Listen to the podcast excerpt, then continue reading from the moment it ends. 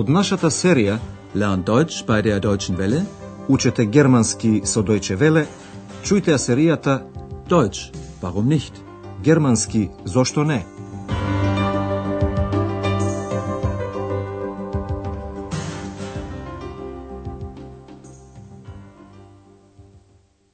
Liebe Hörerinnen und Hörer. Добар ден, почитувани слушателки и слушатели. Денеска наред е 15-тата лекција под наслов Еден човек со името Меки Меса. Ein Mann mit dem Namen Меки Меса. Во последната лекција, семејството Шефер размислуваше што да преземе вечерта. Андреас предложи да одат и да го гледаат делото на Бото Штраус, што се изведува во градскиот театар. Обрнете внимание на предлогот ин со датив. Im Stadttheater gibt es ein Stück von Boto Strauß. Господин Шефер слушнал дека ова дело е интересно. Das soll sehr interessant sein. Бидејќи господја Шефер немаше волја да го гледа ова театарско дело, сите тројца решија да одат на операта Три гроша, Драј грошен опа.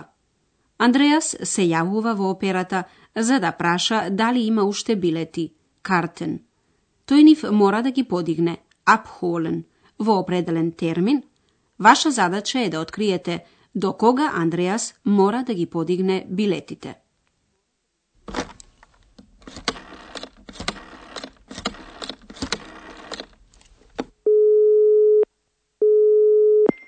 Guten Abend. Guten Abend.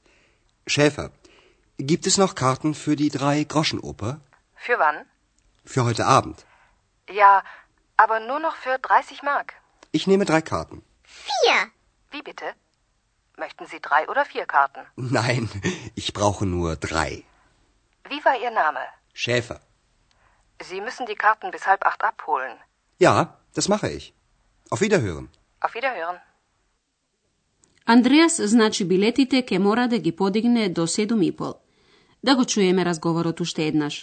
Во Германија може по телефон да се нарачаат билети за кино и за театар.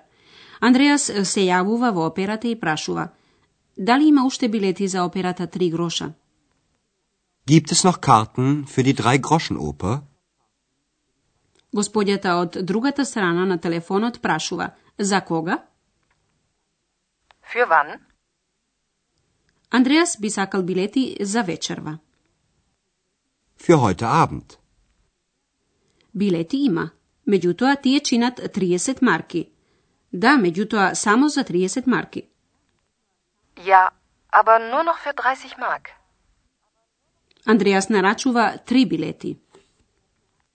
Ich nehme drei Karten. Екс гласно вика 4, така што жената на телефон прашува уште еднаш. Сакате три или четири билети? Möchten Sie drei oder vier Karten? Жената сака уште да го запише името на Андреас. Како беше вашето име? Wie war Ihr Name? Таа го запишува неговото име и го замолува. Билетите ке мора да ги подигнете до 7.30. Sie müssen die Karten bis halb acht abholen. Семејството Шефер тргна кон операта.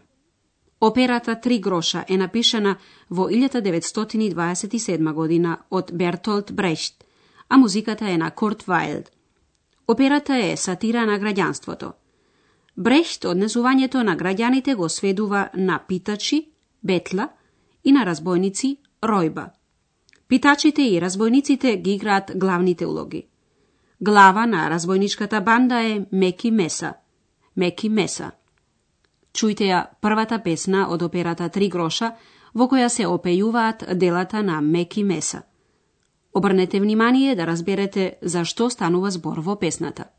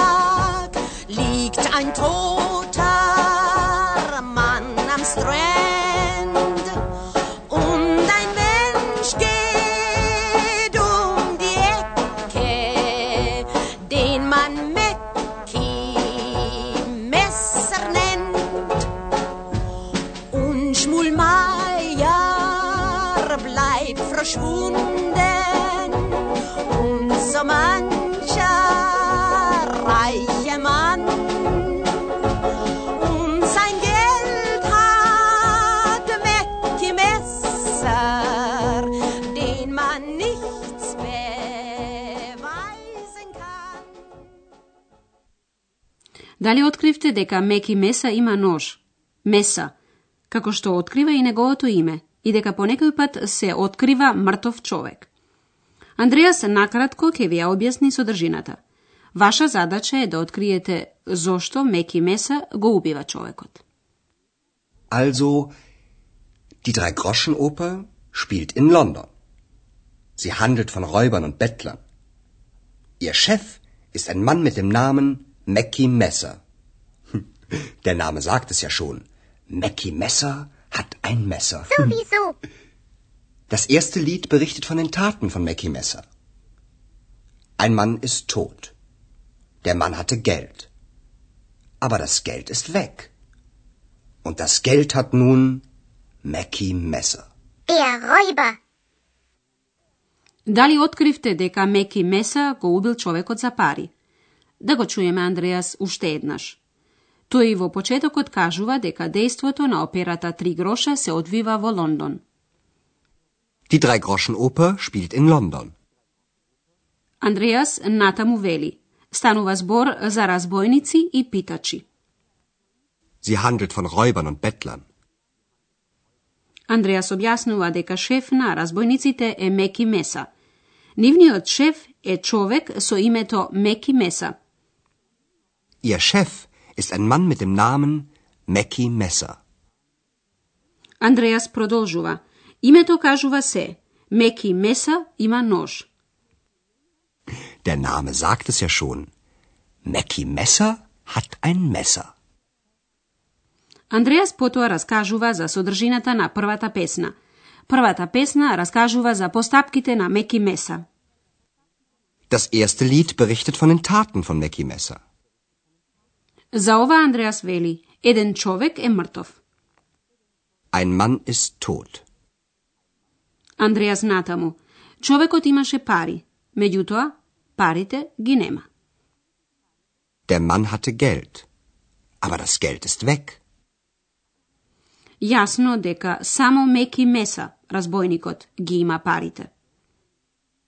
Und das Geld hat nun Mackie Messer. Der Räuber. А сега уште нешто за дативот на именките.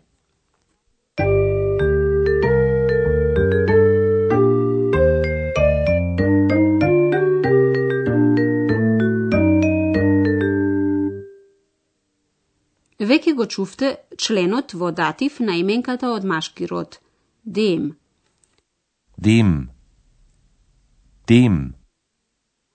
При некои именки во машки род во датив еднина не се менува само членот, туку и именката.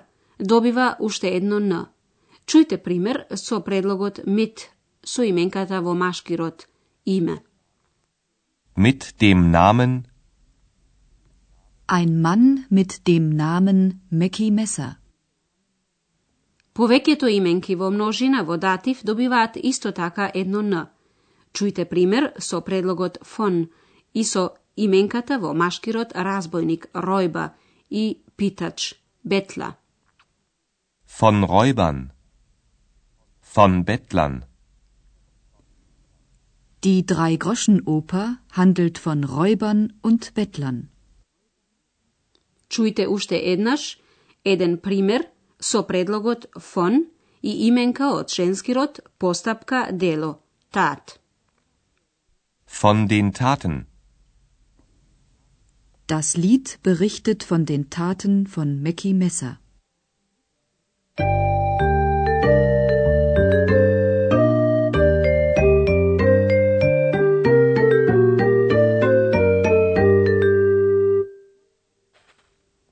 На крајот чујте го диалогот и песната за Меки Меса.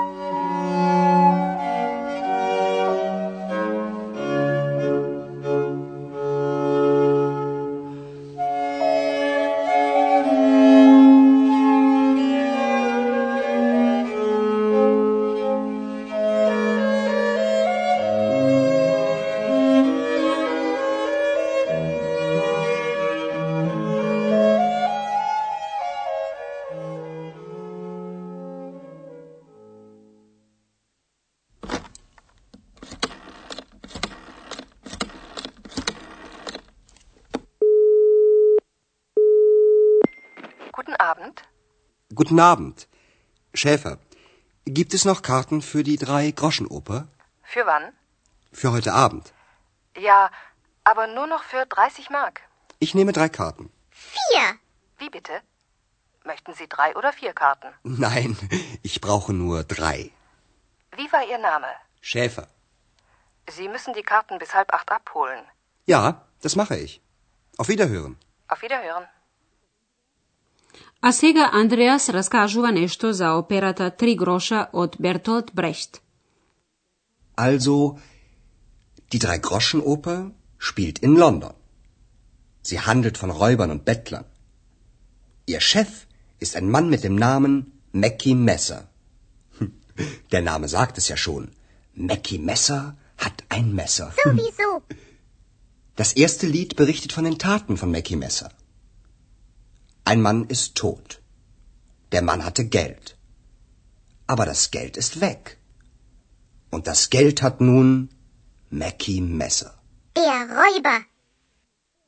Чујте уште еднаш песната за Меки Меса.